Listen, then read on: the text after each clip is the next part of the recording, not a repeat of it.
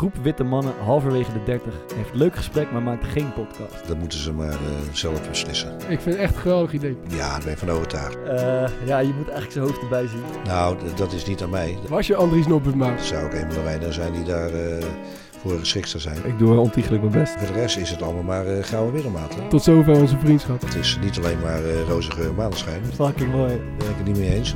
Ik zit er lekker in. Luisteraars, het is aflevering 5 van de Core Podcast.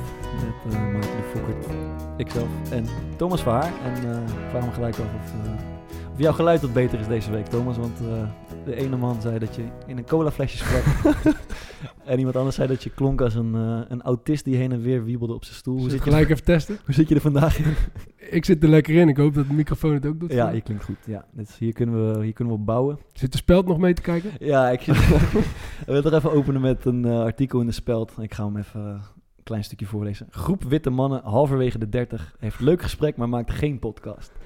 Vier mannen halverwege de 30 zitten aan een tafel. Ze voeren een geanimeerd gesprek, maar dan, als ik iets dichterbij kom, zie ik het. Geen microfoons. Zijn deze mannen dan echt geen podcast aan het maken? Ik las dit van de week en ik dacht, eh, ze hebben het over ons. Ja, dat zou, eh, ik voel me wel een beetje aangesproken. Ik heb hem ook van eh, meerdere mensen doorgestuurd gekregen. ook, ik ook. Ze wezen Met twee van die grote ogen erbij. Ja, Ja, ja, ja, ja. Eh, nu we er toch zijn, eh, Maarten, hebben we nog wat eh, leuke reacties gekregen op de uitzending van vorige week. Ja, zeker wel. Ehm zullen we een keer gewoon beginnen met de positieve?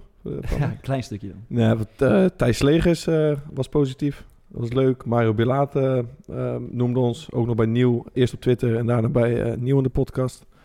Ehm, maar er was ook wel wat kritiek, zoals, zoals het hoort.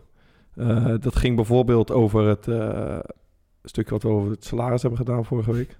Dat mensen... eh, ja, ik moet zeggen, ik heb er heel veel positieve berichten op gehad. Maar er waren dus ook wel wat mensen die... ehm, ja, toch liever wel echt duidelijke nummers hadden gehad. Ja, ik heb met mail in mijn mond eh, zitten spreken. Ja, dus ik hoef het niet nog een keer aan jou te vragen. nee, ja, ik, ik moet zeggen, ik heb het ook gelezen. En ik dacht, ja, volgens mij noemen we best wel wat gemiddelde bedragen.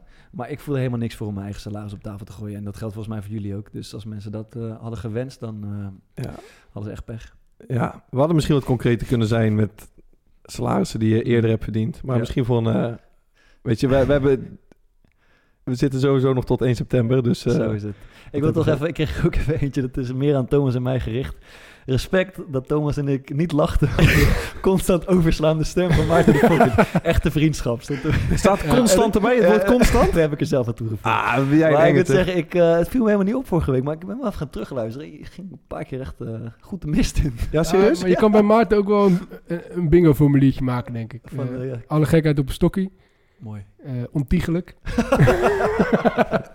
dat zijn toch woorden die regelmatig terugkomen. Ja, ja, ja. Ja, dat is wel allemaal nieuw voor mij dit, jongens. Tot zover onze vriendschap. Ik doe ontiegelijk mijn best. Dus, eh, Maar eh, ja, ik ga er vandaag toch op, een beetje op zitten letten. Ik hoop dat je beter eh, voor de dag komt wat dat betreft. ja, ik heb het zelf ook nog niet doorgehad, maar... eh, je schoot een paar keer de lucht in. Peter Heerschop, Bart, goed? Ja, man. heeft hij nou jouw eh, idee gestolen of niet? Ja, eh Ma- Maart, jij, eh, jij eh, kwam hiermee van de week. Peter Heerschop die deed een column in eh, op 538, zoals hij altijd, zoals hij altijd doet. Lieve Marianne. Lieve Marianne, waarin hij, nou ja, zou kunnen zeggen, exact hetzelfde plannetje voor het uitspelen van de eredivisie aan het pitchen was, als die ik eh, opvoerde. Het enige wat miste was het, eh, het frietje en het Ja. aardje. En ik denk, zit er dan nog een soort van eh, auteursrecht op? We Ja, ik heb een poging gedaan op Twitter, maar... kunnen misschien ook een keer wat verdienen aan we- deze podcast. We groeien gestaag op Twitter, maar blijkbaar nog niet, zijn we nog niet zo groot dat we de aandacht van Ja. Peter hebben weten te trekken. Maar ik ga het gewoon weer proberen van de week. Oké, oké. Dus eh volg ons ook op Twitter, Core Podcast. Ja, Edcore Podcast, daar eh, gaat het eh, steeds gezelliger worden. Eh, we moeten toch onze huisrecensent eh, Good Old Use, nee, Ja, ja, Hughes. even noemen. Eh, ja, ja, het begon op een milde toon, maar ik heb eventjes opgezocht. Stel amateurs vanuit de bezemkast.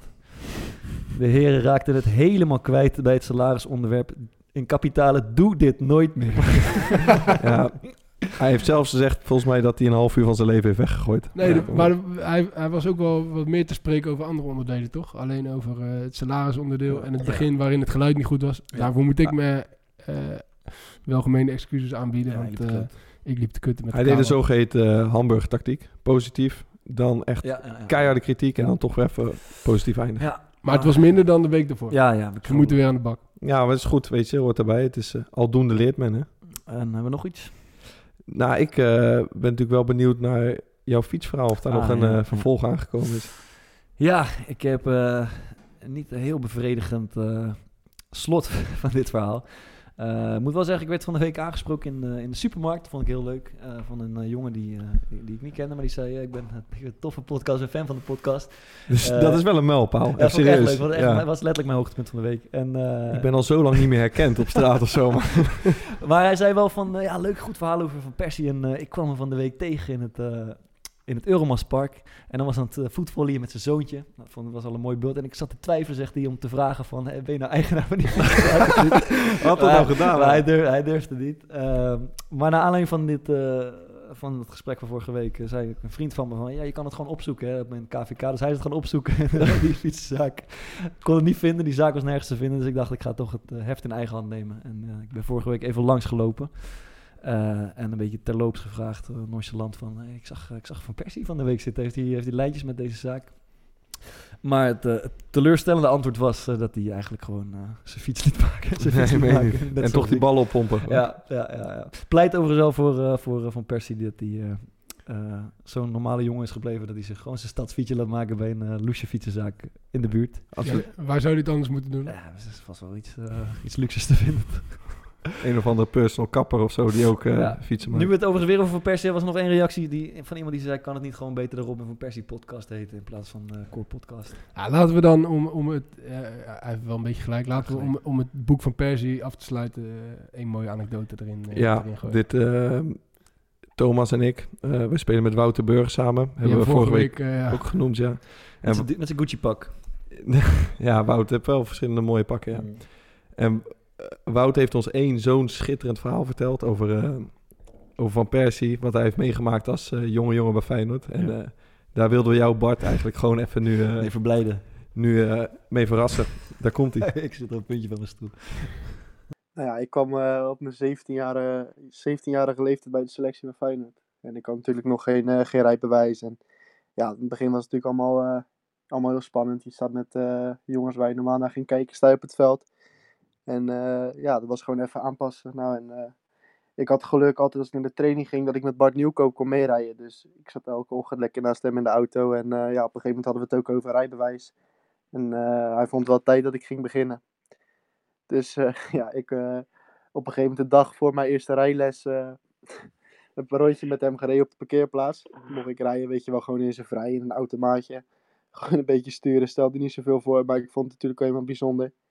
En toen in die, eh, die dag erna had ik mijn rijles gehad. En eh, vroeg Bart die dag erna of ik eh, nog een keer een rondje auto wilde rijden. Dus ik zei, ja, is goed. Nou, ik had net bij mijn rijles geleerd dat als je door de bocht kwam, dat je een beetje gas bij moest doen.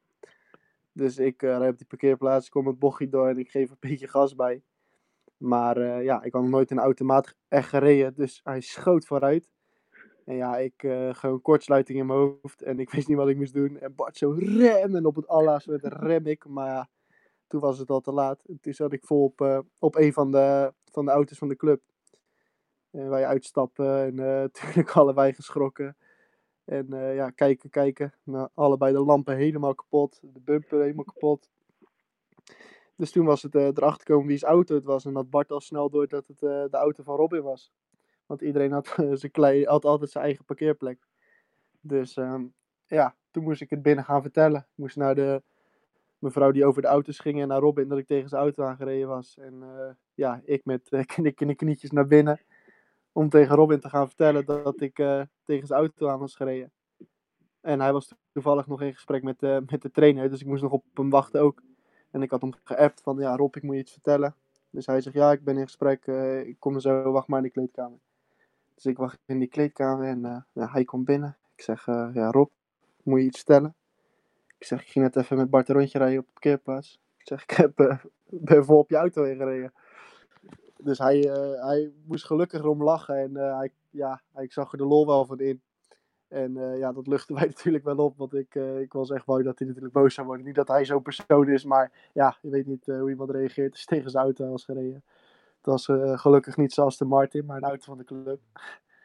Maar ja, het was natuurlijk wel, uh, wel een mooi moment. En achteraf kunnen we er met z'n allen ja, toch wel uh, goed op lachen. Maar op het moment zelf was het wel uh, ja, een beetje schrikken. Maar uiteindelijk kunnen we er wel goed op lachen. Ja, hulde, hulde voor Wouter. Ja, dat Wouterburg, eh, ja. Dat is fucking mooi. ja, dit is zo schitterend. Ja, Weet je, ben je dan ben je 17 jaar, dan is nerveus van de eerste training van Feyenoord. Dan rij je een auto in de plak en dat is het uitgerekend de auto van Robin van Persie. en dan denk je toch, ik hoop dat ik die van Ja. mede-jongeling of zo derde- heb Van de geraakt. derde keeper of zo. Ja, oh, lampen erbij Ja, hangen. wij hebben ook wel eens meegemaakt eh, bij, Sparta. En nu dat verhaal komt ineens. Ja. Dat is ook zo'n weergeloos mooi verhaal. Ja, ja, ja. Dat, dat- toen, was het, toen was het heel had gesneeuwd en geijzeld. En weet je, het was heel. En toen, toen, toen- en, en, en ik was, eh, en, ik, en ik kwam en ik ging naar binnen en ik hoorde al iets, maar niks aan, de- niks aan de hand. En uiteindelijk kwam iemand anders en die zei hey, eh, tegen Janne, volgens mij, Janne Saxela. "Hey, Janne, volgens mij is je auto, eh, is je auto geraakt. Wij naar buiten. Heel die auto in de puin. Maar ja, eh, van degene die dat gedaan, geen spoor te vinden. Maar, toen gingen we verder kijken. Toen stond er verderop stond een auto. en die was, die was maar, aan precies de tegenovergestelde kant was die, was die ook helemaal ingedeukt. Dat was de auto van eh, Kenny Dougal. Ik had, ik Die had was dus tegen die auto ik, aangegooid. het, ik heb het gezien. Oh, ik had het gezien. Ik kwam, met- ik kwam met de scooter, ik kwam met mijn scooter aanrijden, maar een afstand. Ik hoor op een gegeven moment zo'n klap. En ik kijk zo ik zie een auto tegen een andere auto. En die rijdt weer heel voorzichtig achteruit en die zet hem een paar meter verderop weer terug. Maar ik zie dat Kenny Dougal uitstapt. Dus ik denk, nou wordt lachen. Ik ben benieuwd hoe hij dat gaat doen. Dus volgens mij loop ik naar binnen gewoon rustig. En ik zeg volgens mij tegen jou, Thomas, van nou, ik ken die rijdt het tyfus tegen die auto van Janne aan. Maar ik ben heel benieuwd dat hij wat ging zeggen. Helemaal niks gezegd. ja, hij, probeerde, hij probeerde gewoon weer weg te komen, maar uiteindelijk... eh, Ja, mooi. Ja, uiteindelijk hebben we volgens mij gewoon geconfronteerd. Man. Ja, dus- we zijn met z'n allen naar buiten gelopen. Dat is. Oh, Eh, ja, mooi. Misschien, ik hoop dat er vaker zo'n bijdrage uit eh, van buiten ons kringetje komt. zou mooi zijn. ja, dit zou leuk zijn, ja. Eh, ja, we moeten even door naar, eh, naar serieuze zaken. We gaan heel veel de actualiteit bespreken. En later eh, willen we achter de schermen verhaal. gaan we het over vechtpartijtjes op de training of in de wedstrijd hebben. Ik hoop dat we openhartig genoeg zijn voor de luisteraar. We hebben weer een oplossing waarin we... Ik ben het kwijt, wat gingen we ook weer doen? Oh ja, waarin we gingen bespreken hoe je, het, hoe je supporters blijft betrekken als er zonder, zonder publiek gespeeld moet worden. Eh interviewtjes als we eraan toekomen en misschien nog een tipjes op het eind. Eh, maar nu hebben we net de persconferentie van, eh, van Rutte zitten kijken. Hoe is het jullie bevallen? Ja, hij was weer steengoed. ja. Maar eh, voor ons is het kut, denk ik. Want eh, we mogen tot 1 september sowieso niet eh, voetballen in Ja. competitieverband. Dus dat is... eh dan kan er wel een streep door het huidige seizoen. doen. Ja, aan begin, er gingen nogal wat stemmen op de laatste tijd van... eh, is het medicijn niet, eh, niet erger dan de, dan de kwaal? En eh, moeten we 50-plussers niet eh, releasen? Want die hebben heel weinig eh, kans om besmet te raken en zo. Maar ik moet zeggen... Dat, dat- Jonger dan eh, 50? Toen ik, eh, onder de 50 jaar. Eh, maar goed, ik was na een kwartier helemaal ingepakt door eh, de premier. Geen sprake van. We nemen gewoon, eh, we doen gewoon voorzichtig en wat mij betreft terecht. Ja, wat mij betreft ook. Weet Ja. je, ik... Wat je zegt, er is geen spel tussen te Nee, krijgen. en letterlijk je, geen spel tussen te krijgen. ja, Ja, ik je, weet je niet. snapt Ja. het. Ik, ik ben niet helemaal mee eens. Want eh, als we nu kijken, eh, eind maart hadden we die piek. We zijn nu een maand verder. Eh, we zitten nu, hoe lang zitten we in die lockdown? Anderhalve maand, denk ik, of zo? Zoiets. Nou, in anderhalve maand kan je dus al best wel een goede daling of eh, stabilisering van, eh, van het besmettingsniveau eh, realiseren. Ja. Dus als we nu anderhalve maand rekenen vanaf hier, zitten we in halverwege juni. Dan zou het allemaal weer veel, veel, verder, veel beter moeten zijn. En als je dan kijkt eh, naar september, september is echt nog ver weg. Ja. Dus ik vind, ik vind september wel echt. eh, Ja, maar ik denk meer dat ze... Ze hebben die evenementen ehm, afgelast tot september. Ja. En ze hebben voetbal daar gewoon ondergeschaard. ja, en dat, dat vind ik ook raar. Ja, het is wel, ik moet geen spel tussen is niet waar, maar voorzichtigheid is eh, troef en eh, ik sluit me daar eigenlijk wel bij aan. Eh, maar neem niet weg dat er nog steeds, eh, weet ik veel, duizenden, honderdduizenden mensen in een hele financiële penibele situatie komen op dit moment. Ja. ja, nee, dat is helemaal niet om te lachen eigenlijk. Nee. Nee, maar als je het over die evenementen hebt, dat, dat heeft vaak te maken met, eh, met, met supporters. En eh, en ik geloof dat iedereen al wel over eens was. Ik, ja, dat is ook- vind ik ook nog wel een bijzonder verhaal. Dat er op een gegeven moment supportersgroepen waren die, eh, die pleiten voor of helemaal geen wedstrijden. Of wedstrijden met supporters. Die zeiden van zonder supporters moet je niet spelen. Vond ik altijd een beetje lijken op dat ene jongetje bij jou in de buurt. De enige die een bal had. En als hij dan moest eten, nam hij zijn bal mee. Ja, dan kon er niet meer gevoetbald worden. Ja, precies. Want ja, ik bedoel, eh, als je kan kiezen tussen of, of geen voetbal of wel voetbal zonder supporters, lijkt me dat niet moeilijk. Maar ja, waarom heb je een eh, vergunning nodig als je zonder supporters speelt? Dat vraag ik me nog steeds wel Ja. een beetje af. Ja, dat zal iets toch met veiligheid te maken hebben. Met het idee dat supporters zich eh, ja, eventueel gaan verzamelen rondom stadions of toch samen naar dingen willen gaan kijken. Ja. Ik denk dat dat best wel te, te reguleren zou vallen. Maar hoe gaat het er in godsnaam uitzien voor ons de komende tijden? Ja, Veel bijzonder. trainen, denk ik. Ja, denk je E- dat Eerst op van- anderhalve meter. Ja, ik denk dat we, ik denk dat we niet te lang van onze vakantie gaan genieten. En dat, Denk ik we, dat we op een gegeven moment wel weer gaan trainen. Eh, ja, maar 1 september is, is wel ver Ja. weg. Ik, dat wordt een hele en eindeloze voorbereiding. voor Hoe ziet het voor jou eruit, eh, Maarten? Ja, veel studeren. Eh, Maar jij bent natuurlijk na, vanaf 1 juli heb je geen contract meer. ja, dat is wel...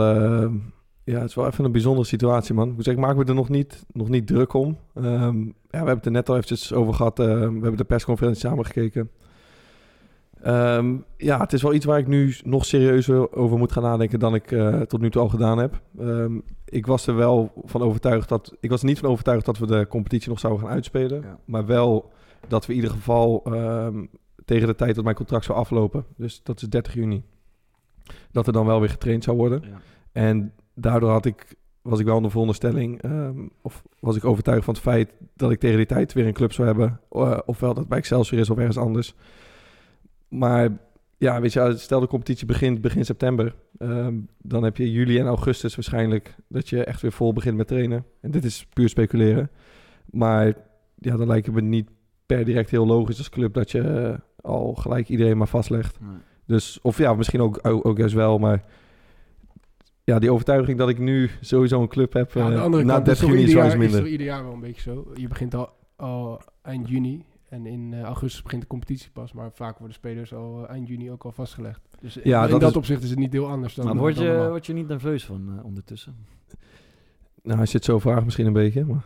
Ja, ik Nee, zou, ik- ik, ik- zou wel ik- nerveus worden. ik- Ik, ik- ik nee, nee, ik het word einde, nog van, niet- het einde van het seizoen nadert en, en eh, op dit moment heb je nog, nog geen contract voor komend seizoen. Nee. Eh, Maar ik moet zeggen, ik, ik word nog niet... Nee, ik, ja, ik zou liegen als ik zou zeggen nu dat ik me eh, de druk om maak. ja. Maar dat is wel iets ehm, ja, waar ik gewoon serieus eh, over moet gaan nadenken. Waar ik met zaakwaarnemer, een mooi woord, klinkt altijd veel groter dan Zeker. het is, ehm, over moet gaan spreken. Ja. En ja, je, weet, je je moet toch je opties gaan afwegen. Want ehm, wat Thomas zegt, moet zeggen dat je maakt een goed punt. Je maakt je selectie altijd al rond voor een seizoen. Maar dat is wel ervan uitgaande dat je weet hoe het seizoen er gaat uitzien.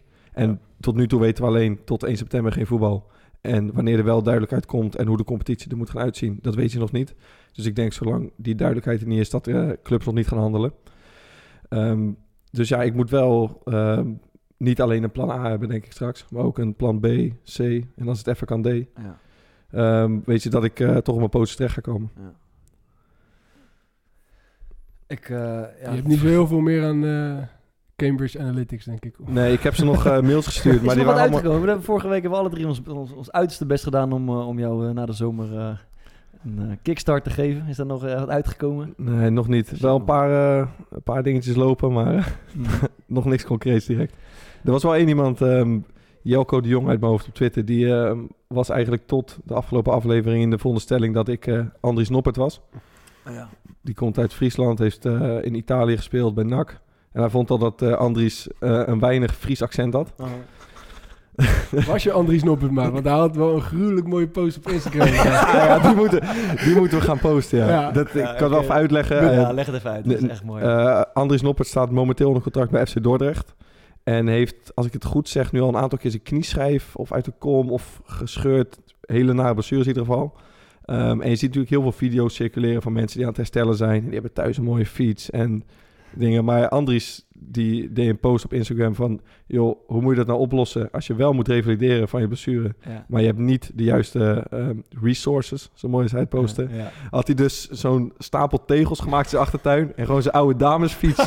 zo, dat achterwiel ertussen gezet. Dat hij dus kon fietsen als een soort home trainer. Ja, het zag er echt armoedig uit, man. Ja, dat is prachtig. Ik echt, Hij is ook mooi. Hij zat twee ook- Hij meter, zat die ook gewoon helemaal niet Hij gelukkig op. keek er heel serieus bij, ja. ja, dat was goed. Ja, man.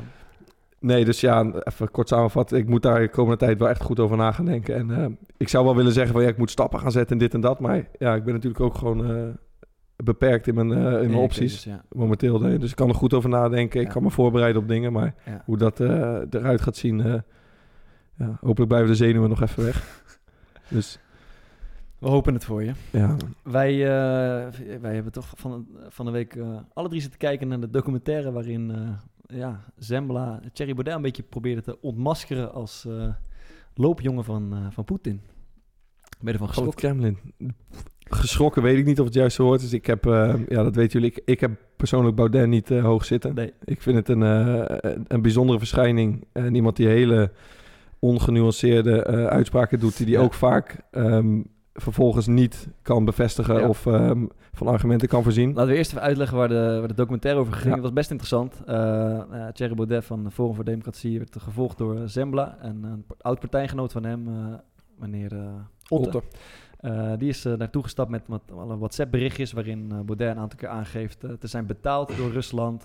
waarin Ja, door een Russische journalist. door een Russische journalist, misschien die, die indirect in verband stond met, met Poetin. Het rees de vraag ook, Baudet is best wel vaak best wel mild geweest over, over Rusland in allerlei, allerlei debatten. Mensen vroegen zich regelmatig af van waarom is hij eigenlijk zo mild? Nou, deze documentaire probeerde daar antwoord op te geven. Ik weet niet of het helemaal Ik, gelukt ik is. vond geen sterke uitzending. van Nee. Thomas, jij wel? Ja, ik heb hem, eh, dat, dat FVD heb ik vanaf het begin wel een beetje gevolgd. Want ik vond in het begin dat eh, eh, ze deden wel, weliswaar ongenuanceerde uitspraken. Maar ik vond dat ze niet per se alleen maar slechte ideeën hadden. En ze, eh, en ze beargumenteerden hun ideeën goed. In plaats van dat heel veel politici op dat moment eh, met, met heel veel shit kwamen over andere politici. kwamen zij meer met oplossingen. Dat vond ik wel interessant. Niet dat ik het overal mee eens was, maar ik vond het wel interessant. En op een gegeven moment eh, vond ik dat ze daar volledig van afstapten. En ik vond juist dat deze documentaire wel heel duidelijk liet zien eh, wa- wat daar de reden van zou kunnen zijn. Want, want dat hij eh, dat, dat er wat invloed vanuit Rusland eh, op hem is, dat lijkt, me wel, dat lijkt me wel vrij duidelijk. Dat hij daarvoor betaald krijgt, lijkt me ook wel vrij duidelijk. Hij zat in een eh, financieel niet geweldige situatie. Maar het is toch een redelijke zonde als je je laat betalen door Rusland... en als je een integer politicus zou willen zijn? Ja, maar ja, zijn er niet gewoon, wordt de VVD niet ook gewoon ergens door een denktank vanuit de Verenigde Staten betaald? Mag dat wel? dat, eh, misschien Ik weet niet of dat zo is, een Ik, ik, durf wel, ik durf wel te zeggen dat dat, dat, dat andersom ook wel gebeurt. Ah, ik vond het best chockerend, man. Dat, ze, dat zij zich. Het is niet eh, bewezen en het is, he- het is zelfs ontkend aan alle kanten. Maar ik vind het best wel eh, chockerend dat ze. eh, ja, dat ze zich blijkbaar eh, naar het schijnt laten gebruiken voor eh, Russische propaganda in het Westen. Kijk, weet je wat ik er een beetje lastig aan vond? Is dat het... ehm, ik ben met Thomas eens... je raakt ervan overtuigd als je die documentaire kijkt... dat Baudet ehm, gefinancierd wordt vanuit Rusland. Ja, het is En wel dat de- wij- het is op, op en dat de dingen niet-. Ja, en dat de dingen niet aan kloppen, maar hun Hij grootste... reageerde er zelf er ook op. Ja, dat was ja. er ook niet... eh, Ja, dat dat, echt- dat was, ik bedoel, als je, als je zijn reactie ziet... Ja, ja, dan, eh, zeker. Wat dan, zie je dan dan? denk je toch helemaal... Ja, hij zei van... eh, hij- betalen hij, draaide de professioneel eh, echt bizar omheen. Hij Je- zei ja, ik, dat ik, zag, ik- ik zag hem liegen, dat was ja, mijn gevoel. ja, dat- Zeker. Maar hij- ik moet zeggen, hij, wat wel enigszins voor hem pleit misschien, of misschien is het juist doodeng, dat hij daar wel eh, in zijn huiskamer laat staan, eh, gaat, waar hij ook is, camera's erop, lampjes eraan, breed lachen met zijn pakje gaat, Ja, hij, gaat ja. hij die pers toch te woord staan om het te ontkennen. Ik bedoel, je had ook gewoon even kunnen schuilen en zeggen, hier ga ik niet op in. Hij gaat er wel degelijk op in, Ja, maar ik had het gevoel, een- ik zie hem liegen hier. Het is een soort, het is een soort trend, hè, dat het, dat het helemaal niet meer erg is om, om te Ja, liegen. Hoe harder Ja, maar je- dat is dus... ja. Kijk, het, het, het lastige eraan was dat hun grootste bron was Henk Otte. En Henk Otte en Ja. Thierry Baudet zijn Maar ze hadden gewoon... meerdere bronnen, hè, die, Ja, maar- die nog Ja, maar het- het de was- belangrijkste bron was... ja, eh, had ik wel het idee dat hij dat was. En dat is natuurlijk... Het is lastig als iemand je... Dat zijn gewoon momenteel aardsvijanden. Ja. Kan je het wel stellen. En het Ja. is lastig als dat je hoofdbron is. Dat, Ja, neemt, dat, neemt, dat neemt niet weg dat het heel waarschijnlijk is... ehm, dat hij waarschijnlijk gefinancierd wordt bijvoorbeeld vanuit Rusland. Ja. En wat ik persoonlijk het meest kwalijke vond... is dat hij op een gegeven moment... Ik weet niet meer voor welk programma het was... maar dan zit Baudet in dat bootje met een journalist. ja. En ehm, Ja. daar doet hij dus een uitspraak over... ehm, ja, maar die Russische trollenlegers, dat is helemaal niet waar. Er zit gewoon hier zo in die en die straat in Amsterdam... was een pandje, er Mm. zaten 50 Oekraïners... constant tweets te versturen. Ja. Gewoon onze de informatiestromen Ja. eh, beïnvloeden. Ja. En vervolgens liet dan die Otte eh, een WhatsApp-gesprek zien... Ja. Waarin, waarin hij zegt van... joh, Thierry, kan je dat hard maken? En zegt hij nee. Maar hij is media... eh, hij zei het van, we creëren gewoon chaos. Ja. Ehm, ik weet niet of dit woord chaos gebruikt, maar we doen het zus en zo. Vervolgens laten we het kaart vallen, zeggen we er nooit meer wat over. Mediastrategie van Trump. Ja, Ja, ja, ja, ja, ja, ja. Ja. kom op. Je, je mag toch verwachten... Ik, ik snap best... ehm, ik begin met, eh, de laatste jaren wat meer verdiept in politiek. Ik snap dat er spelletjes zijn, dat je bepaalde dingen op een bepaalde manier doet. Maar je mag toch verwachten van een politicus, iemand die aan het hoofd staat van een partij, dat je gewoon... eh, de grootste partij bij de laatste Ja, provinciale maar- statenverkiezingen. maar, maar, maar dat je niet dus gewoon bewust gewoon informatie waarvan je niet zeker weet of het waar is, of misschien Ja. dat het gewoon letterlijk uit je duim gezogen is. Je mag toch verwachten dat eh, zo iemand dat niet verspreidt? Of zeg ik nou iets heel geks? Nee, Nee. denk ik niet. De eh, reflex op, eh, ik zit toch een beetje op Twitter mee te kijken wat mensen ervan vinden. Reflex was een, eh, een andere, een, een nieuwe aanval van de linkse media op de rechtse Baudet. Ja, kijk, en dat Zonder is... smoking gun, hè, op basis van eh, WhatsApp-berichtjes van een, eh van een rancuneus die- ex-partijlid, Otte. Eh, is dit dan de journalistiek die ja, dat, die ja dat, is, dat is de valko waar, waar je dan intrapt. Ik bedoel, als je, als je zo'n... Zo, ja, als je Henk Otte uitnodigt en die, die heeft eh, een ruzie met Baudet is uit de partij gestapt, dan, ja, dan is dat wel aannemelijk dat dat misschien eh, een wraakactie is. Maar Ja. dat werd ook wel duidelijk uitgelegd. Ja, Kijk. ik ben geneigd om, maar ik ben in principe geneigd om alles te geloven. Als ik een, eh, als ik een eh, complottheorie uitzending op YouTube ga zitten kijken, geloof ik Dat Donald Trump een tijdreiziger is ja, geloof ik. precies. Nee, maar het heeft natuurlijk het, het, het heeft twee kanten. Ja. Kijk, het is aan de. eh, het is hard te maken dat die documentaire niet. Hij is niet waterdicht. Bij lange na Nee. niet. En het is geen eh, journalistiek eh, meesterwerk, vond Ja. ik. Maar dat neemt niet weg dat Baudet gewoon. Of het nou in een.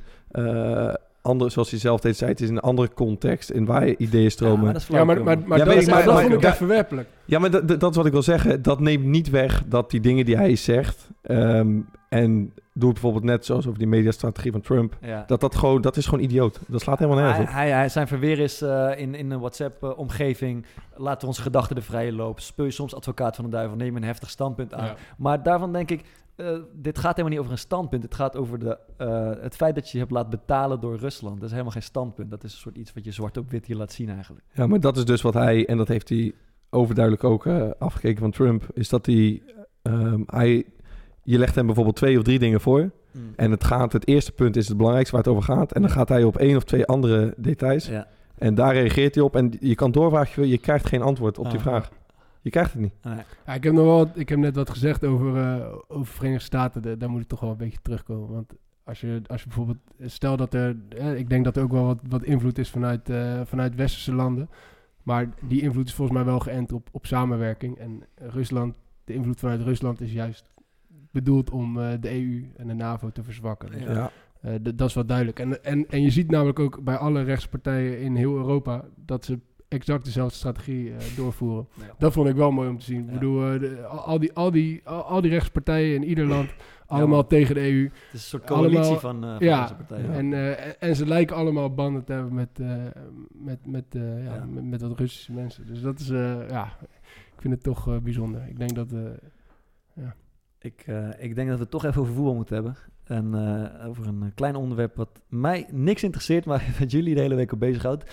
De leiger van Memphis Depay. ja, ja. Thomas, ja, dat vind ik prachtig. Ik haak even af. Ja, nou, die, die, die, die gozer heeft een bak eh tering zo over zich heen gekregen. Omdat hij, eh, om- omdat hij een leigerwelp in zijn, in zijn videoclip heeft. Heb jij, heb, jij de, heb jij de hangover gekeken? Ja. Jij? Ehm, niet allemaal, maar ik heb wel wat. Ja, de eerste. Ja, Ja, een mooie film toch? hele mooie. Vond iedereen toch? Ja. Ja, daar zit toch ook gewoon een tijger in. Niemand die Mike Tyson daarop aanpakt. En Memphis Depay, die komt een keer met een leigerwelp en hij is gelijk weer de gebeten hond. Ik, ik zag vervolgens ook eh, als reactie daarop eh, Manchester United in 2011, 2012 ergens. Op, eh, op reis in China, Edwin van der Sar met een tijgerwelpje. ja, het gebeurt toch overal. En, eh, Ja, maar er is, nog maar wel, er is nog wel een verschil tussen een... ehm, ik moet zeggen, je maakt een goed punt hoor. Dat, vind ik, iets, eh, heb je heel creatief gevonden. En dat is ook gewoon... ik, ho- ik hoop dat Het- jij de dierenactivist kon spelen. in Nou, niet, niet- Ja, misschien enigszins. maar het is... ehm, een, een, een leiger wordt... ehm, het is dus... Ik heb het even uitgezocht. Het is Ja. een mix van een mannetjesstijger en een vrouwtjesleeuw. ja, Maar, en als je het andersom doet, heet het een... Weet iemand het? een, een tijleeuw. Nee, een, een til of een taaien. Oké. Mooi gezegd. Ehm, maar die dieren worden dus echt ehm, gefokt. Ja, Zeg maar, die worden met elkaar gekruist. En die dieren schijnen best wel wat ongemak te kunnen hebben... omdat ze groter worden. Ze worden vaak buiten proportie. Ze groeien niet helemaal netjes. En die dieren worden dus puur gefokt. ehm, gewoon voor... eh, om, hoe zeg je dat? Uitbuiting. Dat Ja. gewoon mensen willen er... Het is niet... Het heeft ni- niks met het belang van het, van het dier nee, te maar maken. het is toch met al die, al die Ja, die noem, eh, Ja, dus jij-. Ja, maar jouw punt is niet dat, dat het goed is wat Memphis heeft gedaan. Nee. Maar dat het hypocriet is dat mensen niks over... Ja, ik vind het gewoon hypocriet. Kijk, hij is, hij, hij is redelijk uitgesproken. En, eh, en voor hem is het natuurlijk denk ik ook wel zo... Er is een heel groot gedeelte eh, die er overheen valt. Maar nog een groter gedeelte en vooral zijn doelgroep... vindt het natuurlijk fantastisch wat hij Mm. doet. En dat is in dit... in Dat dit- weet ik niet hoor. Ja, dat denk ik wel. Ik weet, ik weet niet of er zo heel veel mensen zijn die ehm, het hebben van grote katten en wilde dieren überhaupt in gevangenschap. Dat echt een heel goed idee vinden. Oh, ja, ik denk het wel. Ja? Nou ja, we hebben het toch over Tiger King gehad. Hoe, hoe, hoe, hoe Ja, maar dat- goed die, die ja, dat wordt goed bekeken, die maar dat betekent niet Nee, automatisch hoe- dat Ja, iedereen maar zij dat... verdienen daar, daar toch ongelooflijk veel geld mee. Er zijn heel veel mensen die, eh, ja, die, die, die naar zo'n park komen om met een, om met een tijgertje. Ik, ja, ik kan zelf ook voorbeelden noemen uit mijn directe kring die in Vietnam of weet ik het wat op de foto zijn gegaan met een, eh, met een leeuwtje of met een tijgertje of weet ik wat. denk, een beetje denk in, in eh, Dubai heb je een, een of andere dierentuin Ja. waar Ja. alle voetballers van de Ja, wereld, Bel- alle- Bel alle Hassan, rijke voetballers van de wereld heen gaan. Die laten zich dan fotograferen met, met beren en, en weet Ja. ik wat allemaal zijn. Ja, ik heb het altijd voor lief aangenomen, maar ik las wel eens de reacties onder, eh, onder, Ja. onder die foto's van die jongens. Toen gingen de meisjes vooral helemaal los over, ja, weet je wel, dat die dieren gedrogeerd zijn. Hoe kan je anders knuffelen met een beer en weet ik veel wat allemaal. Ja, weet je, ik persoonlijk, ik ben gewoon geen fan van... eh, ik moet zeggen, vroeger vond ik het mooi, de dierentuin. Maar naarmate ik gewoon wat meer in ben gaan verdiepen en Ja. dan kijken... Ik ben gewoon geen fan van... Ik was alleen geen fan van de reactie van Memphis. Die zei inderdaad van ja, hij is ze, in het wild zou hij niet eens kunnen overleven. Het kwaad is al geschied, eigenlijk waar kwam het op neer. Dus ja, waarom eh, zou ik er dan geen gebruik van kunnen maken? Ik weet dat het slecht is voor die beesten.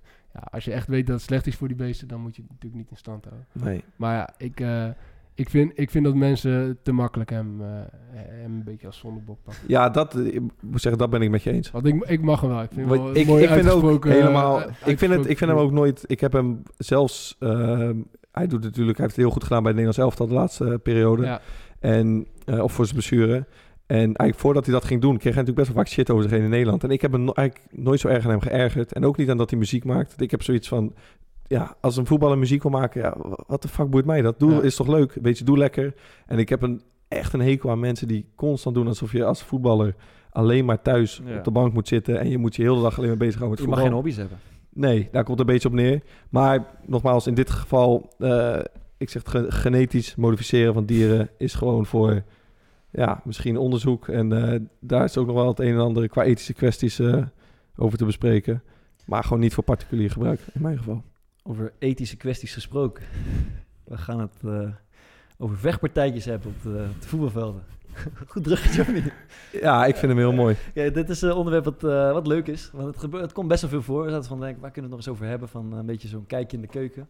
Eh, en eh wat deed ons allemaal denken aan... eh, we moeten het eens over, eh, over vechtpartijtjes hebben. Opstootjes. ja ik, heb jou, ik heb jou dus nog nooit... Ik Nee, bedoel, Tra trap jij hem eens even af, Bart? Ja. Ik, zat, eh, ik, Ik heb jou er nog nooit op betrapt. Ik heb ook zitten denken eigenlijk... eh, ik ben niet echt een vechter. Eh, Thomas, Thomas lijkt me ook niet echt een vechter. Op de training. van. Maarten wel het ordinairste hoofd van ons drieën. En hij houdt heel erg van vechtsport. Dus ik, ik, ik ken hem niet zo goed op het voetbalveld. Maar ik sluit niet uit dat hij Ja, Maarten die heeft... ma- eh, dat is wel mooi, dat kunnen we denk ik gewoon even zeggen. Maarten die is even tussenuit gepiept, die is Ja. gaan plassen. Dus we kunnen nu onge, We ongegeneerd over Maarten gaan zitten rollen.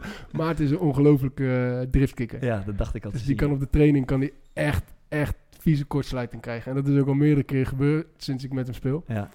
Oh, daar is hij weer. Dus, eh, nou ja, weet je, ik... eh, nee, maar... eh, en, en ik heb daar zelf ook wel last van. Ik denk dat je er wel een keer bij bent geweest. Ik heb een keer met... ja, dat is, dat is wel... met, met Michel Breu. Ja. Dat is, denk, ja, was een van mijn beste maten bij Sparta. En we speelden een kort partijtje tegen elkaar. Op een gegeven moment gaat een bal uit, vond ik. Dus ik zeg tegen, tegen Alex trainen. Dus ik zeg, ja, hij is uit. En Mies, Mies was tegen mij. Die zegt, nee, Mm. flikker op maar met het gezeik deed. Ik zeg, waar heb je het nou over? Maar waar, waar bemoei jij je mee? Ja. Ja, dat ging dus eventjes zo door met dat eh backvechten. Maar jij bent daar wel echt extreem storend in, man. Ja, ja. Ja, Klopt, echt een klopt. zuiger, man. Want Ja. jij bent constant, zeg maar... Jij wordt heel boos als iemand zoiets tegen jou zegt. Terwijl je het dan de andere kant op continu doet. Ja, nee, daar ben ik ook helemaal mee eens. Maar goed, eh, dat, dat, dat gebeurde op dat moment. En, en ik dacht op, op zo'n... En Mies die, die bleef maar, maar zeiken en zeiken en zeiken. Dus ik dacht op een gegeven moment, nou, hij, hij kreeg de bal. Mm. Dus ik denk, nou, nou, nou is hij voor mij. Dus ik, ik denk, ik ga gewoon een beetje wild eh, dat duel. En weet je wel, neem ik misschien nog even een beentje van hem mee. eh, hartstikke mooi. Maar hij is ook niet eh, van gisteren, dus hij zag het aankomen. Dus ik wilde wild dat duel ingaan. En hij deed een stapje terug en Ja. nam mij een soort van judo-worp. ik lag op de grond en in mijn worp nam ik hem mee. Lagen Ja. met z'n tweeën te rollenbollen. Ja. En eh, nou ja, eh, een beetje gesust, weet je wel. Niks, eigenlijk niks aan de hand. En vervolgens krijgt, krijgt Michel weer de bal op zijn eigen 16. En die schiet hem zo vanuit zijn eigen 16. Hij heeft nog nooit op goal geschoten hè, op de training. Schiet hem zo vanuit zijn eigen 16 over onze keeper van eigen helft. Schiet, Ja. hem zo, schiet hem zo erin. Nou, ik, op dat moment had ik huilend naar huis kunnen gaan. Maar was je, was je daar niet Ja, bij? ik was erbij. Ja, ik, weet, ik weet dat jullie ook na de training, of dat weer een andere keer, jullie waren vaak aan het backvechten, maar nog eindeloos aan het, aan het, aan het schreeuwen onder Dit is zo herkenbaar over ja, Thomas. Ja, mooi hè. En jij Maarten? Ja, ik heb één verhaal, dat, dat ga ik nooit van mijn leven meer vergeten. dus eh, nee, dit is niet eens van dit jaar. Ik, weet, ik, zie, jou, ik zie Thomas gelijk wel lachen. Ik, dit zal hij straks wel erin gooien. Maar, ehm, ik ging, eh, toen ik 19 was, toen had ik net 9 of 10 jaar bij Feyenoord in de jeugd erop zitten. Ja. En vertrok ik naar Heerenveen. En bij Feyenoord, ehm vooral mijn laatste jaar, werd er heel erg op gehamerd van... joh, Maarten, weet je, bent ehm, best wel een beetje een leidinggevende speler in de Ja. ploeg. Je moet mensen op hun plek zetten. Mhm. Je moet je verbaal hard maken. Als mensen afhaken, als ze je met een stuiterbal terugspelen. Weet je, we, we hebben het er wel eens vaak over gehad. Van zo'n Ja. keeper die constant boos wordt. Dat werd er een beetje ingedrild. Ja. En nou ja, op zich, die, bij Feyenoord lag die rol. Want ik speelde daar heel lang in hetzelfde team. Dat, Ja. Die rol lag mij wel. En eh, ik ging naar Heerenveen. En ik werd binnengehaald als derde keeper. En ik dacht, weet je wat, ik, ga me, ik moet me echt profileren. Ja. In die eerste voorbereiding. Dus ik was heel aanwezig. Ik, ik keepte goed. Ehm, dat helpt dan altijd wel mee. Mhm. Maar ik was echt heel, heel aanwezig. En ik merkte wel een aantal ehm, gasten. eh, wat niet heel veel oude jongens, maar een daarvan was Joey van den Berg. Ja. En die, ja, die zag dat niet zitten, man. Ja. Dat ik dan even als Rotterdamse gozer daar ehm, even een beetje kick kwam doen. Ja. Dus op een gegeven moment, eh, ik denk dat, volgens mij uit mijn hoofd was het mijn tweede week. En we zijn op trainingskamp ergens in, in Garderen of zo. En we spelen kleine partijtjes. En de, het was al een beetje verhit. Eh, Hakim Ziyech was van de training al gelopen, weet ik nog. Ja. En eh, we spelen een eh, 4 tegen 4 toernooitje. En ik ben met Joey van den Berg. We, we staan achter. Ehm, en iedereen, je kent Joey van den Berg, hè? Mhm. De topgozer, maar kort lontje. Ja. Heel kort lontje. Dus hij laat op een gegeven moment, eh, twee, denk ik, twee keer zijn man lopen. Ja. Ehm, je weet, met kleine, en met kleine partijen, als je je man laat lopen, dan is het gewoon vaak raak. Dus op een gegeven moment, ehm, bij die tweede keer zeg ik er al wat van. En hij kijkt me al zo aan van, eh, praat je nou tegen mij? Wat, wat doe jij nou, joh? Dus ik meen serieus, nog geen 15 seconden daarna, precies, we staan gelijk of zo. Het was, het was een belangrijk potje, hij, laat weer zijn man lopen. Ja, ik ga helemaal uit mijn stekker. Gewoon echt, zoals Thomas net zei, dat ik wel eens een beetje driftig geworden. Ik ga helemaal uit mijn plaat. Ja. Maar dat, ik snap nu ook, ik ben 19, dat, dat kan, dat hoort niet. Ja. Maar ik was toen echt in de veronderstelling van, weet je, ik moet me laten gelden. En weet je, hij moet gewoon zijn man volgen. Wie, wie de fuck is dat? Weet je, fuck het, laat je horen. Dus ik ging uit mijn stekker en hij kijkt me alleen aan. Maar ik zie echt zijn ogen spuwen vuur. maar vervolgens, dat is een van de dingen. Als je met kleine partijen je man laat lopen en die bal gaat erin, sta je vaak wel vrij. Ja. Dus ik rol hem die bal in. En hij neemt hem in plaats van dat hij open draait, neemt hij hem onder zijn voet aan. Hij rolt op terug richting, richting onze goal. Ja. En hij vuurt hem echt vol op mij terug. En het is mooi, Willem Huizing was erbij. Was een, een, eh, ook een jonge jongen bij Heerenveen. Die had net die goal gemaakt. Ja. Eh, die, kon, die werd nog een soort van half geraakt, maar door die vuurpijl van Joey. En ah, die gozer ging helemaal... En daarna was het partijtje klaar. En ik weet nog, Pele van Aanland was erbij. Die probeerde een beetje te sussen. Want ik met mijn beide handhastes van... Ja, als er Ja. wat is, kom dan, bla bla. Dus Ja, je wordt ook ineens zo dapper, hè? Als je op het, eh, ik zou in het dagelijks leven nooit gaan knokken. Nee, ik maar- ook niet. Ja, maar dat, is wel, Ja. dat is wel lekker van voetbal. Het geeft je heel soms eh, opeens de gelegenheid om gewoon ordinair te gaan knokken. Terwijl je in het dagelijks leven... Ik ben ook niet echt een vechter, maar soms zit je toch een beetje op te wachten. Dat je opeens een optie krijgt om echt enorm in de vechtpartij te belanden. En Ja. dat is- op het voetbalveld is dat wel wat af en toe eens kan gebeuren. En het, gebeurt, het, het gebeurt best wel veel eigenlijk. Ja, wel. Maar wat ook het, het lelijkste was, nog het laatste van... We moesten terugfietsen daar naar het hotel. Ja. Het wordt daar gesust. Ja. En eh, nou ja, oké, weet je, het is goed. En je moest dan je fiets parkeren in een soort keldertje daar. Ja. En dan moest je met de trap omhoog, een heel smal trappetje. En die deur, maar dat was zo'n dichte deur, dus daar kon je niet doorheen kijken. Die kwam uit op die lobby. Mm. En ik loop zo een beetje in mezelf nog... eh, ik weet niet of ik nog boos was of wat dan ook. Naar de grond te kijken. En er komt precies, als ik boven aan de trap kom... doet iemand zo die deur open en we botsen tegen elkaar op. Ja, ja. Joey van den Berg. Dus, dus we staan zo echt, ja, wat is het, misschien 10 cent. Ja, nu mag het niet eens meer, maar eh, niet zo ver van elkaar af. Ik weet het nog, ik was, weet, je, heb echt indruk op me gemaakt. ja. En toen dacht ik wel even, was ik niet zo heel dap van, kut, wat ga- gaat hij me nou pompen? Wat gaat er gebeuren? En toen keek hij me zo heel serieus aan en toen moest hij lachen. En toen gaf hij me zo'n Ja, dat is het schouderklop. Ja, is dat is het allermooiste. Maar ik het- ook het mooie. Ja, maak je Maar ik moet zeggen, hij heeft wel, het heeft echt lang geduurd. Want ik zat, aan hem, ik zat met hem aan de eettafel. Eh, en ik heb het hier eigenlijk verder nooit meer met hem over gehad. Mm. Maar het heeft wel lang geduurd voordat hij echt weer Oké. vrolijk en vriendelijk tegen mij was. Ja, ik denk dat gewoon omdat hij me gewoon irritant vond. Ik, eh, een van de mooiste was- dingen, ik zit hier aan te denken, een van de mooiste dingen van, eh, van voetbal ehm, eh, vind ik, dat je maakt het best wel vaak mee. En ik herinner me ook eh, een, eh, een, een vechtpartij tussen, tussen twee spelers bij, eh, bij Utrecht in de jeugd. Maar echt een goede vechtpartij. Meestal blijft het een beetje bij ja, keel vastpakken, Ja, duwen, ja. trekken, word je losgaan. Echt een goede vechtpartij op de training. Vuisten, vuisten, slaan, schreeuwen. Allebei van de training gestuurd. En ik normaal denk ik van, nou, dat is fijn. Maar toen, toen had ik wel het gevoel van... Deze gasten moet je niet met z'n tweeën naar binnen sturen. Dat gaat helemaal mis. Ja. En dus dan zit je toch een beetje met dat gevoel in je maag. En dan, dan eh, loop je uiteindelijk de, de kleedkamer en de, de- het krachtonk in waar ze zaten. Zitten ze breed lachend met z'n tweeën uit de fiets. Zoals een fiets. En dan denk ik, Ja, dat, is dat- dat, is, dat is letterlijk wat er met voetbal gebeurt. Ja. Ik heb het idee dat het nooit heel lang suddert of zo. Hebben jullie dat wel? Nee, ja, maar, maar, dat, maar ik denk dat je daar zelf ook eh, verantwoordelijkheid voor moet nemen. Want als je ik denk dat het een van de belangrijkste dingen is. Dat als je ruzie maakt, dat je dan ook zorgt dat dat op het veld blijft en Ja. dat het niet in de kleedkamer komt. Ja. Wij deden dat toen bij Sparta, was het, eh, ik gaf net het voorbeeld met Mies, nou, dat, dat gebeurde wel vaker. Mhm. En dan, en dan zat je, en dan, ja, je neemt in die emotie, neem je het nog mee onder de douche, neem je Ja. het nog mee en dan zit je aan tafel voor de lunch. En, en dan, eh, ja, je dan kan je nog steeds geen woord, je hebt nog steeds eigenlijk geen woord met elkaar eh, Ja. gesproken. En Ja. dan kwam Roy Korts met erbij ja, zitten en die zeiden, nou Mies, heb je nou ruzie met Verhaar of niet?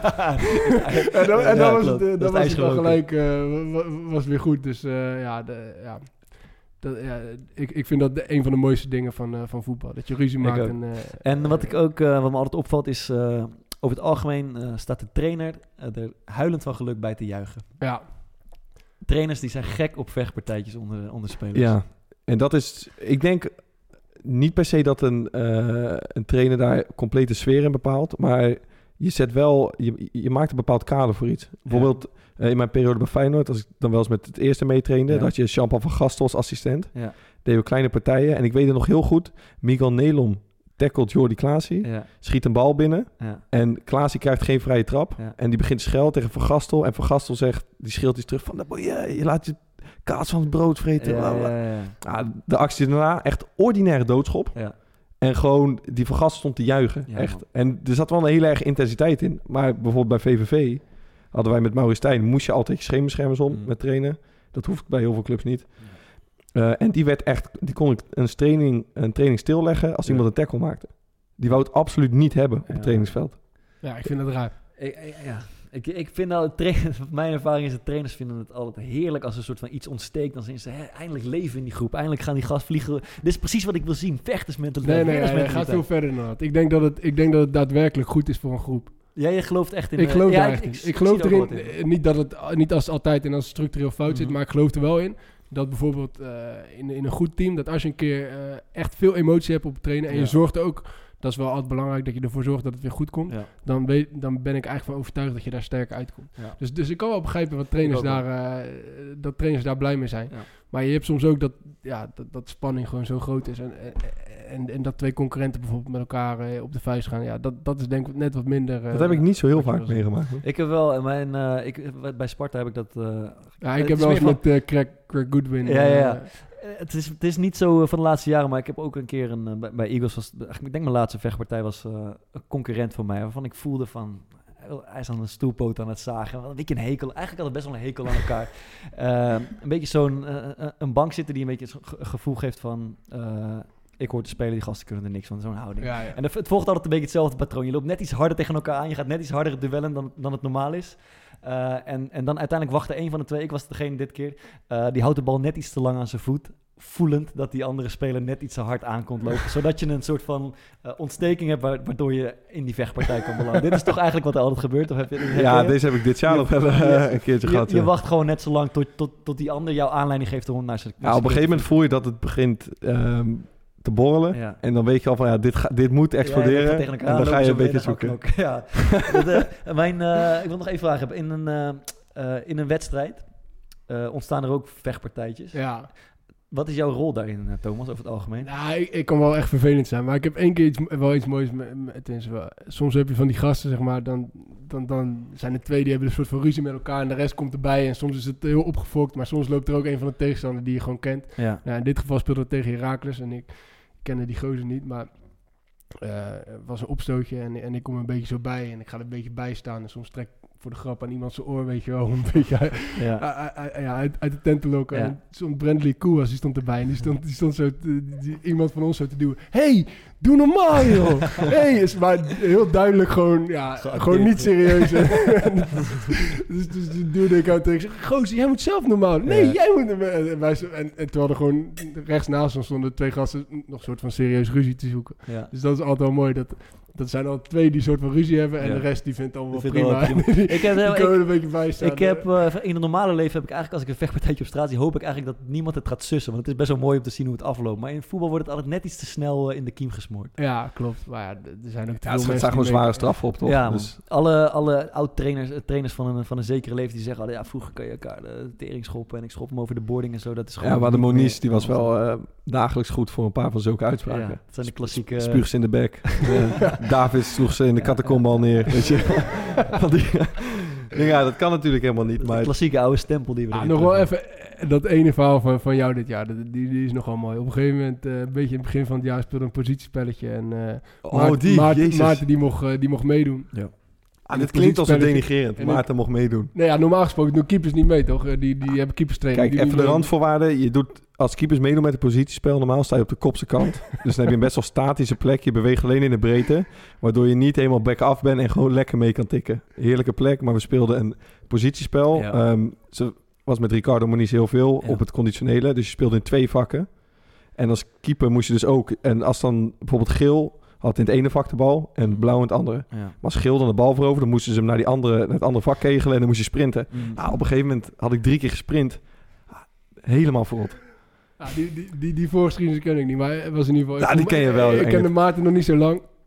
En ik vond hem wel een mooie gozer en ik vond het wel mooi dat hij een keertje meedeed. Dus hij kreeg op een gegeven moment de bal en ik dacht voor de grap, ik loop nog even met mijn schouder tegen hem aan. Ik maak nog even een klein duwtje, maar Ja. dat probeer ik. Maar ik ga per ongeluk op zijn poot staan, terwijl ik dat doe. En, Ja. dat, en dat doet toch gewoon wel serieus pijn, dus dat is gewoon kut. Ja. Ja, en ik zie toch een, een baas voor zijn ogen verschijnen. Waarvan ik denk, ik moet nu niet meer bij hem in de buurt komen. Vervolgens het eerste beste, de eerste beste die, die in zijn buurt kwam met de bal. Maakt niet Ah, die, geeft, ja, die geeft me toch een doodschop. Toen was uiteindelijk Thomas Oude Kotten. Dat is gewoon zijn beste maat. Sorry Thomas, nogmaals. Het op- maakt op- niet uit wie het was. Nee, maakte niet uit. En hij gaf me toch een dood... Ja, dat was echt... was- Ja, het was lelijk, want op een gegeven moment... Wij hadden een soort van... eh, Thomas en uh, Verhaar en ik dan we hadden een soort ehm, uitwisseling. Dat hij deed bij mij. En dat was dan deels ongeluk, geloof ik niet. Nou, dan pakte ik hem terug en toen deed hij het nog een keer per ongeluk. Toen werd ik... Ja, toen werd het echt zwart voor mijn ogen. Ja. En toen had ik daarna weer zo'n sprintmoment. Dat ik naar de andere kant moest. En toen gaf Thomas, oude kotten, inderdaad mijn beste vriend... Ehm, die gaf een, een schouderduw en die won dat duel van mij. Ja, en ik ga echt als een kamikaze-piloot vlieg ik op hem in daarna. Hij is ook echt... Weet je, als je... Ja, hij Als, was echt ontdaan. ja, hij keek me daar gewoon... Nou, ik, ik had een paar kwam excuses aan- aangeboden, want ik had er ook oprecht echt spijt van. Ja. Maar hij keek me echt aan van hoe... Weet je, hoe kan je dit nou voor mij doen, Ja, man? ja. Van iedereen die dit en dan jij... was toch je mat? Ja, daar heb ik me wel echt slecht over gevoeld. man. Eh, omwille van de tijd moeten we, moeten we echt door, jongens. Want we hebben weer een, eh, een probleem op te lossen. Oh ja. En eh, dat was... Hoe gaan we de supporter in tijden van eh, wedstrijden zonder publiek eh, toch binden of betrekken? Moeten we nog even kort eh tussenstandje zo benoemen? Ja, Ja, ik snap dat jij het woord neemt en uh, eroverheen probeert te ik denk dat we praten. dit moeten skippen. Van haar staat momenteel op acht punten. Twee keer eh, gewonnen in de aflevering en twee bonuspunten op Twitter. Ja. Ik zelf sta op drie. En eh Bart, jij nog steeds op een toch wel trieste nul. Maar misschien komt er vandaag verandering Het in. is een fiasco, maar ik ga terug eh, vechten. En Je had, ik, je had ook maar 9% de afgelopen stemming. Ja, ik was niet sterk af. Ik had de eerste week moeten winnen, maar daar heb je daar hebben jullie eh, je bijdrage aan. Thomas, ik wil dat jij aftrapt. Ehm, ja, ik had dus bedacht, eh, bioscopen die, eh, die gaan weer voor een derde van de, van de capaciteit gaan ze weer open. Dus ik dacht, nou, bij Excelsior verkopen ze 2000 seizoenskaarten. capaciteit is eh 4,500 man. Dat betekent dat, eh, dat je voor iedere thuiswedstrijd 500 man moet teleurstellen. Eh, dus, eh, klopt dat? Ja, dat klopt. Ja, volgens mij was je berekening in eerste instantie goed. Maar je moet in ieder geval 500 man Ja, teleurstellen. je moet 500 man teleurstellen. Dus dat betekent dat je, ja, dat je één keer in de drie wedstrijden ben je er niet bij. Eh, dus je moet wat verzinnen voor die supporters die... eh, ja, dat, dat klopt toch? Ja, maar je liet er stil van. Dus ik dacht, oh, dit was hem. Ja, dat was ik, hem niet ben, best ik, geweest. ik maar- ben wiskundig zo eh, zwak dat ik, eh, dat, ik, dat ik ook een beetje onzeker van word. Maar, eh, dus je moet wat verzinnen om, om, om dat te compenseren. Nou, dus ik had bedacht, wat vinden supporters nou mooier dan het kijken van een wedstrijd in een vol stadion? Nou, er is niks mooiers, maar wat komt dan op de tweede plaats? En toen dacht ik bij mezelf, hoe mooi zou het zijn als je gewoon met eh, je grote helden, helden tussen aanhalingstekens zeg ik wel bij Excelsior, maar eh, daadwerkelijk ook op het veld kan staan. Dus eh, je organiseert eh, vier kleine toernooitjes. Iedere keer eh 500 man. Dus dan kom je uiteindelijk op 2000 man die een seizoenskaart hebben gekocht. En in die toernooitjes laat je ze eh, teams maken van 7 tegen 7. Dus 10 man per toernooi. En in een toernooitje laat je ook eh, teams van, eh, van de selectie meedoen. En eh, ieder kwartaal eh, speel je één zo'n toernooitje af. En uiteindelijk eh, hopen we dat in de zomer van eh, 2021 alles weer vrij is. En eh degene die zich uiteindelijk hebben geplaatst, dus die, eh, de beste vijf van zo'n toernooitje, bedenk me nu eventjes zo, die spelen met z'n allen nog één groot eh, slottoernooi met een, met een mooi, met een mooi slotfeest.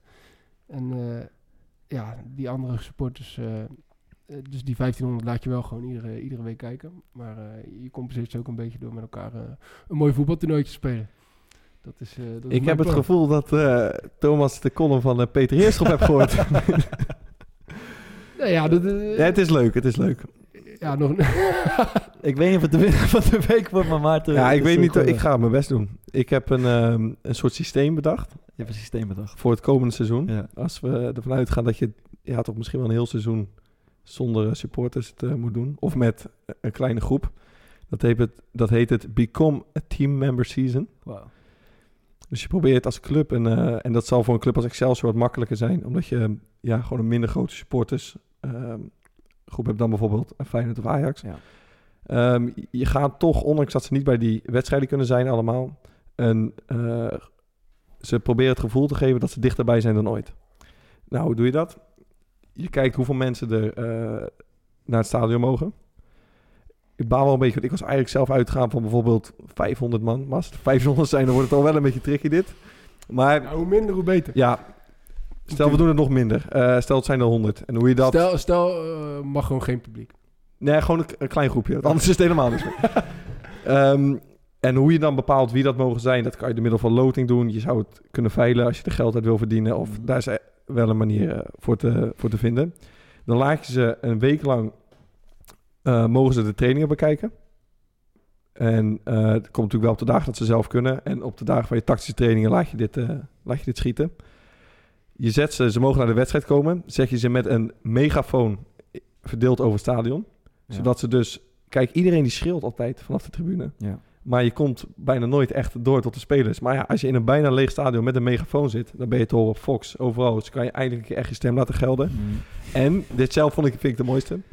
Doe je eh, met deze mensen, doe je bijvoorbeeld via Zoom of Skype... ga je de wedstrijd nabespreken. Ja. Dus je deelt je groep op in eh, bijvoorbeeld secties van twee.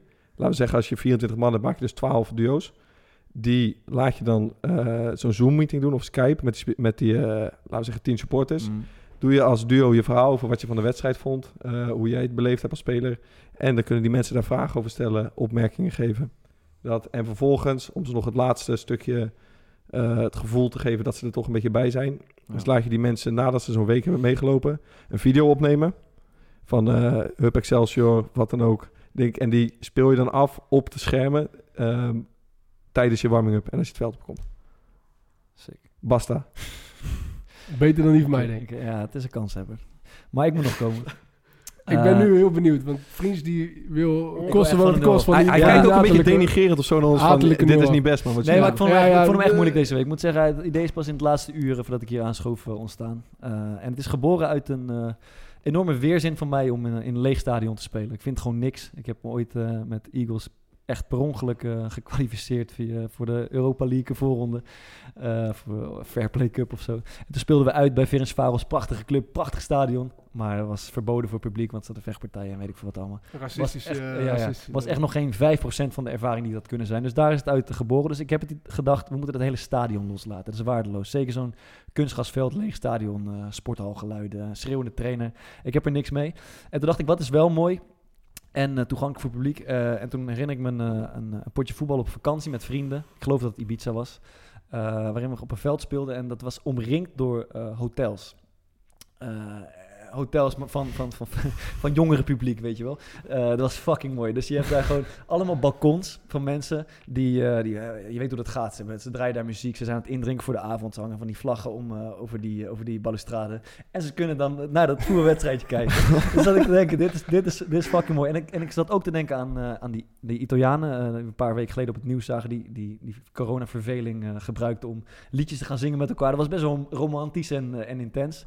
Dus dat idee heb, ik, eh, heb ik even laten, laten gaan. We gaan voor de totale balkonbeleving. Ehm, en eh, ik liep, eh, ik was aan het, even aan het lopen langs de Rotterdam, het gebouw Ja. aan de voet van de Erasmusbrug. En toen keek ik naar boven en dan zag ik echt, nou ja, ik denk 40, 50 verdiepingen. Ja, 44. Eh, 20 meter breed, honderden balkons van mensen die, die op gepaste afstand naar een evenement kunnen kijken. En toen zat, ik heb daar een beetje zitten passen en meten. Ze kijken uit op een soort treurige loods. Dat was net te krap. Eh, maar ik heb zitten denken van, ja, ik heb vaak genoeg op, een- in een soort Van de Valk hotel geslapen. Die een beetje uitzicht had op een treurige parkeerplaats. Of een, eh, of een, een soort eh, grasveld zonder bestemming. Ik dacht, nou, het enige wat hier moet gebeuren is een voetbalveld. En dan kunnen die supporters in die hotels, want die staan, die staan toch leeg en die hebben het geld nodig. Dus die kunnen die in die hotel, in, die, in groepjes van twee of drie gezinnen, eh, vanaf dat balkon, even ga je barbecue of een drankje erbij, op veilige afstand naar die wedstrijd kijken die gaat worden uitgespeeld. Ik denk, beter dan dit gaat het niet worden. De balkonbeleving. Ik weet niet of die haalbaar is, maar ik vind hem wel Het leuk. enige- Ja, man. Ja, ik het is- denk dat die, het heel haalbaar Het is. het enige wat er moet gebeuren eigenlijk. Is we moeten een geschikt... eh, je moet, het je liefst moet een allemaal hotel- locaties gaan vinden waar je dus met... eh, Ja, het, het veldje Ja, bij de Rotterdam heb je altijd van die grote cruiseschepen. En die hebben soms van die sportvelden op het dek. Zie je? Kijk, we hoeven alleen We maar een hotel klaar. te vinden Ah, waar dat- je... maar dat zou natuurlijk helemaal gaan. Ja, als je gewoon een, eh, een ponton eh, pakt en daar een voetbalveld op, op legt. En dat je dat midden in de Maas legt. En dat je dan gewoon vanaf de Maaskaders eh, Sick. op Kijk. anderhalve meter... Als je, als je deze had ingediend, dan had ik op jou gestemd. Ja, maar dat, die, die, die, die scharen we even onder Bart's, eh, onder Bart's inzendingen. We gaan stemmen, jongens. Ja, doe het wijzen en daarna even benoemen wie op wie gewezen heeft. Ik, eh, ik vind het goed. Drie. We hebben, ja, wijs heeft de luisteraar niks aan. Misschien moet ik het gewoon zeggen. Oké. Eh, mijn stem gaat naar eh, Maarten de Voort. Ah, die van mij gaan naar Bart.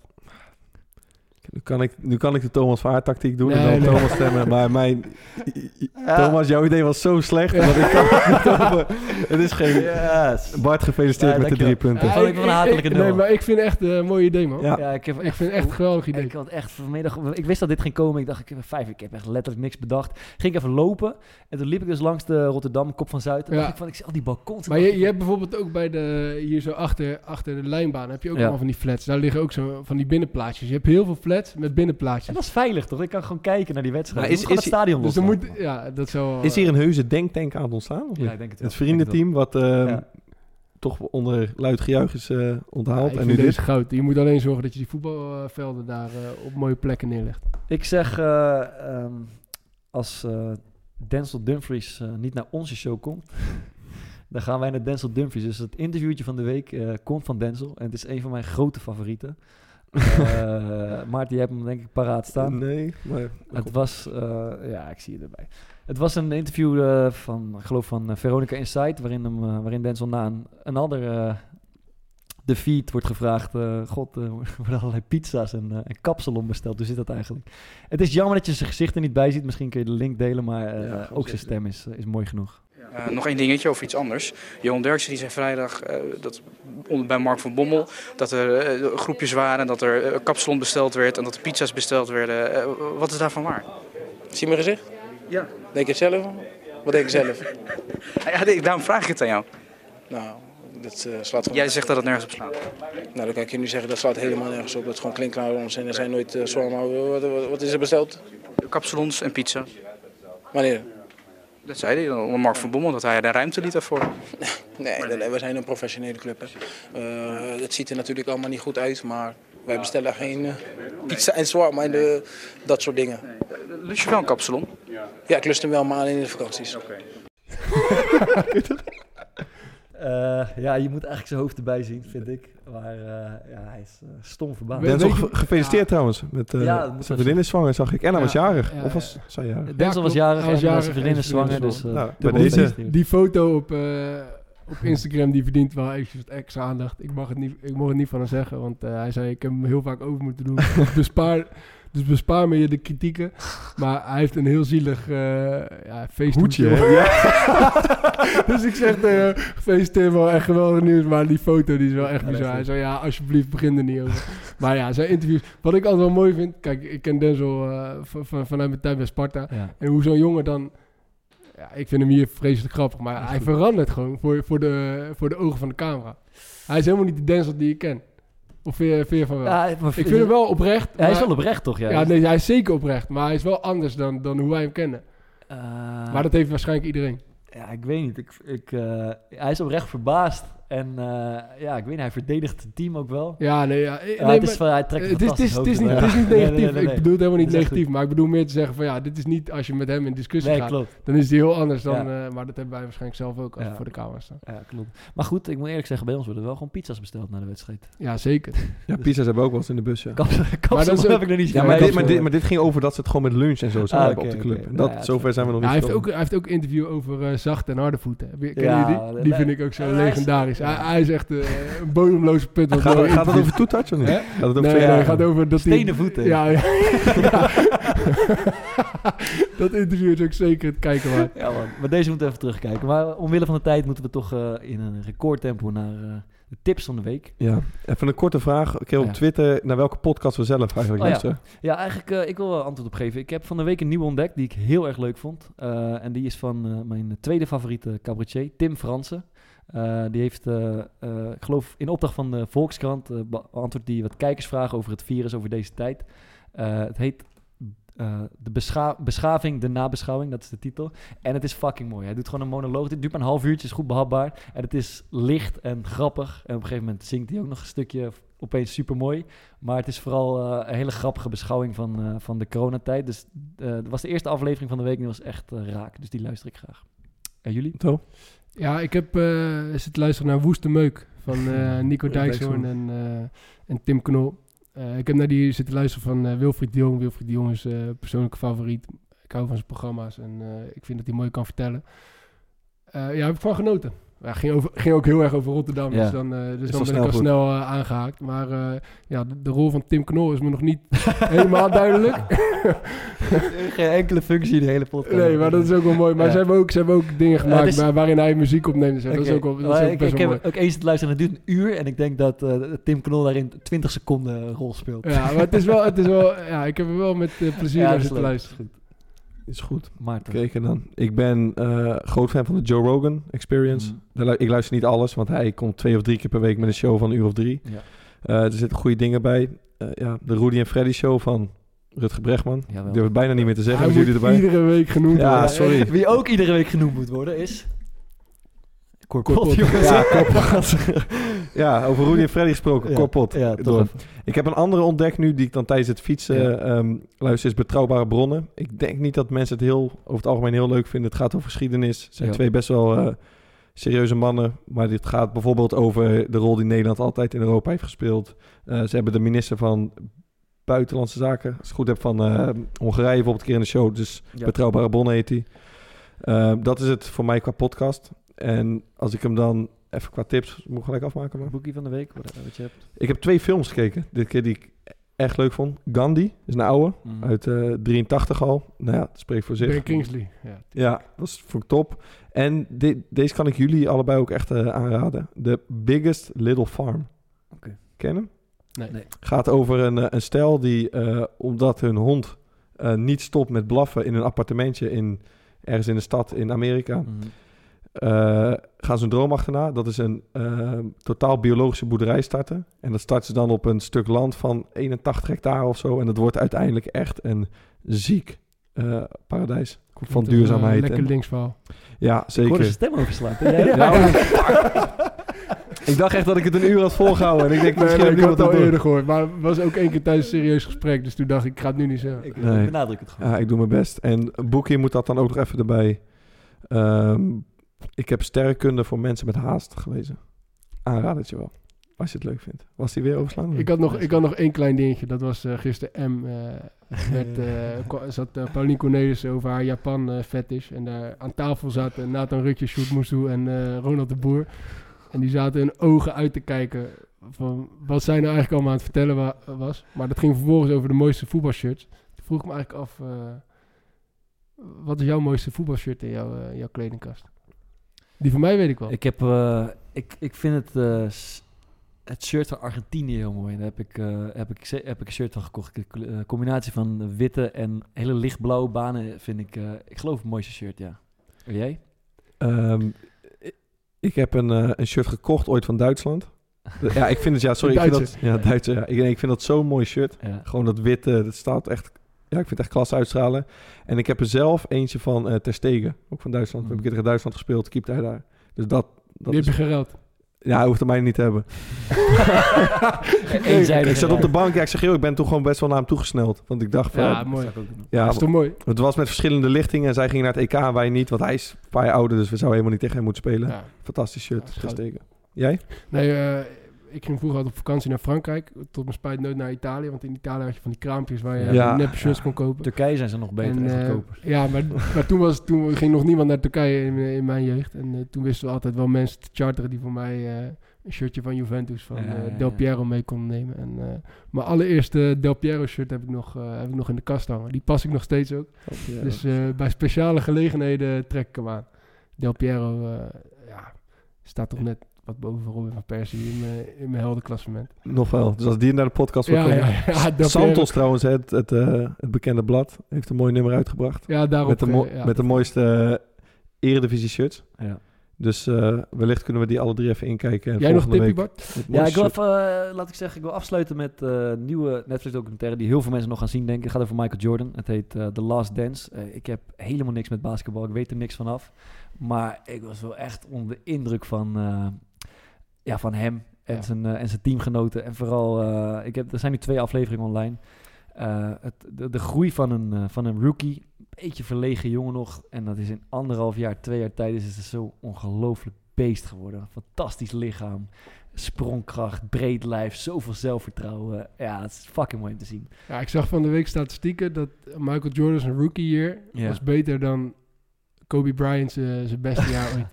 Ah, het is echt... Eh, ja, je ziet wel echt een eh, bizar talent in de, in de sport. Die eh, Chicago Bulls eh, ja, van, van niets naar vijf of zes eh, kampioenschappen op rij eh, brengt. Nog even zijn zijn honkbalcarrière, dat is misschien... Ja, hij is één jaar gestopt, is hij gaan honkballen. Dat las ik ook, ja. Dat ja, is dat is geniaal. Daar is ook een keer een documentaire over gemaakt. Dat is Ja. echt prachtig. Hij kan er dus echt geen reet van, van Nee. het honkbal. Ja. Maar Hoezo door zijn, gaan door doen zijn bizarre trainingsethiek wordt hij dus wel Ja, hij is- echt ja, duidelijk beter in die sport. Dus dat is de, hij, hij heeft gewoon helemaal geen aanleg voor die... Ja. Maar wat is de reden dat hij gaat honkballen? Ja, dat vond hij volgens mij gewoon mooi om te doen. En daarna is hij ook weer gaan basketballen. Ja, Ja, ja, schitterend. ik heb geen idee, maar voor, eh, zeker voor basketballiefhebbers is het mooi. Maar ik denk, ik ben het dus helemaal niet, maar het is waanzinnig om te zien. Ja, hoe zijn die- mentaliteit is natuurlijk iets... Ja. Dat is zoiets... Ja, ik, maar ik wist dat bijvoorbeeld niet, maar echt een bizarre werkethos. En, Ja, en, dat en is- wil om, om te, alles te winnen wat er te winnen valt. En eh, ja, is, is echt inspirerend om te zien. Dus eh, daar wil ik eh, mee afsluiten. Dat was hem.